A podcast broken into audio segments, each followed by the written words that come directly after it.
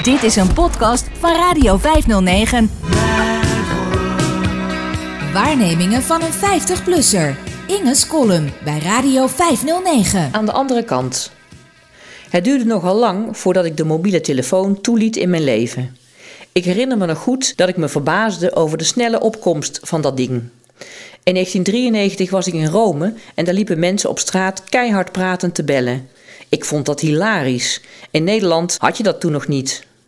Toen ik in 2000 op zoek was naar een huis in Tilburg, reageerde ik verontwaardigd toen een afspraak om mijn woning te bezichtigen misliep en ik erop werd aangesproken dat ik niet mobiel bereikbaar was.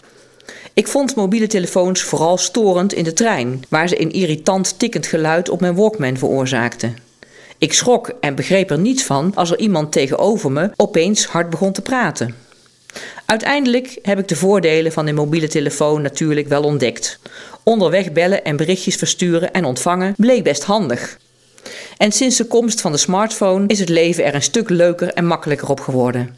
Ik hou erg veel van mijn iPhone voor werk, om te lezen, podcasts te luisteren, om mee te schrijven, voor communicatie met vrienden. Als hulp onderweg is hij onmisbaar. Maar aan dat luidruchtige gebel in de openbare ruimte heb ik nooit kunnen wennen. Mensen die doen alsof er geen andere mensen om hen heen zijn en zij zich bevinden in een soort onzichtbare maar geluiddichte kokon. Als ik op straat of in een volle trein mensen hoor praten over hun verbroken relatie, hun gestoorde schoonmoeder of irritante collega, dan krimp ik plaatsvervangend in elkaar van schaamte. De laatste tijd is daar nog een extra element van ongemak bijgekomen: het hands-free bellen. Waarbij je niet alleen de beller in jouw buurt, maar ook degene waarmee die persoon belt via de speaker kunt horen. Ik vraag me dan altijd af of die persoon zich ervan bewust is dat de hele trein hem of haar hoort praten. Ik zou dat zelf in ieder geval vreselijk vinden. Het maakt het meeluisteren met de intimiteiten en werkgesprekken van anderen nog indringender en dus onprettiger. Ik weet inmiddels dat ik niet alleen ben met dat gevoel van onbehagen. Heel veel mensen hebben dat en storen zich aan luidruchtig gebel. Graag vertel ik gelijkgestemde dan een sterk verhaal dat mijn lief en ik meemaakten in een trein. We zaten te praten, zoals mensen doen die samen in een trein zitten. Aan de overkant van het gangpad zat een meisje te bellen. Ze begon steeds harder te praten en wij vonden dat irritant. Toen we daar iets van zeiden, reageerde zij verontwaardigd en zei: Ik moet wel hard praten, want jullie praten er steeds doorheen. De omgekeerde wereld, zo dachten wij. En zo beaamt iedereen aan wie ik dit verhaal vertel. Want dat is het gekke. Iedereen lijkt zich aan dit soort gedrag te storen. Dat roept toch de vraag op: wie zijn dan die mensen die dat doen en het kennelijk wel normaal vinden? Sinds vorige week weet ik het antwoord op deze vraag. Halverwege mijn werkdag moest ik naar het station om een trein naar Den Bosch te halen. Op weg daar naartoe ging mijn telefoon. Ik nam niet op, want ik was bang anders mijn trein te missen. Ik stapte in een vrij drukke sprinter en vond een stoel naast iemand die voor mij zijn tas en andere spullen op schoot nam.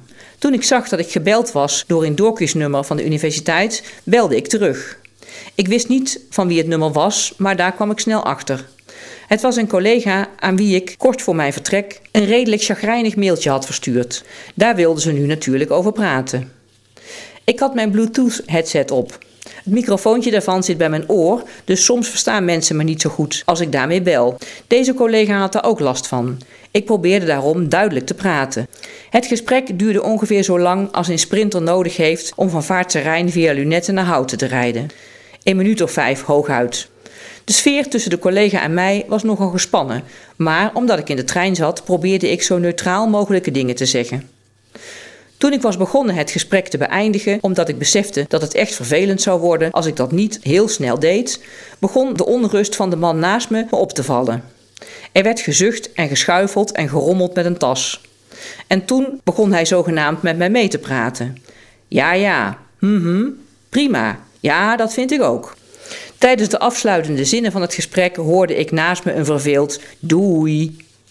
Toen ik de verbinding met de collega had verbroken, zei ik tegen mijn buurman: Dit heb ik zelf ook wel eens gedaan bij iemand die zat te bellen, maar nu merk ik pas hoe irritant het is. Ik meende het.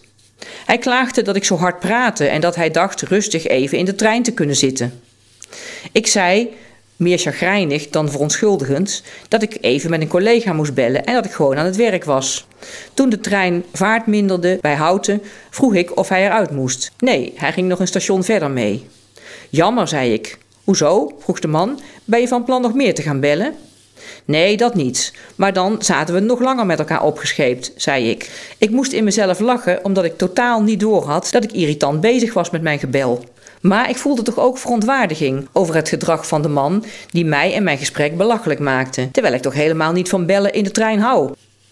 Het antwoord op de vraag wie zijn die irritante bellers is dus simpel. Dat zijn we allemaal.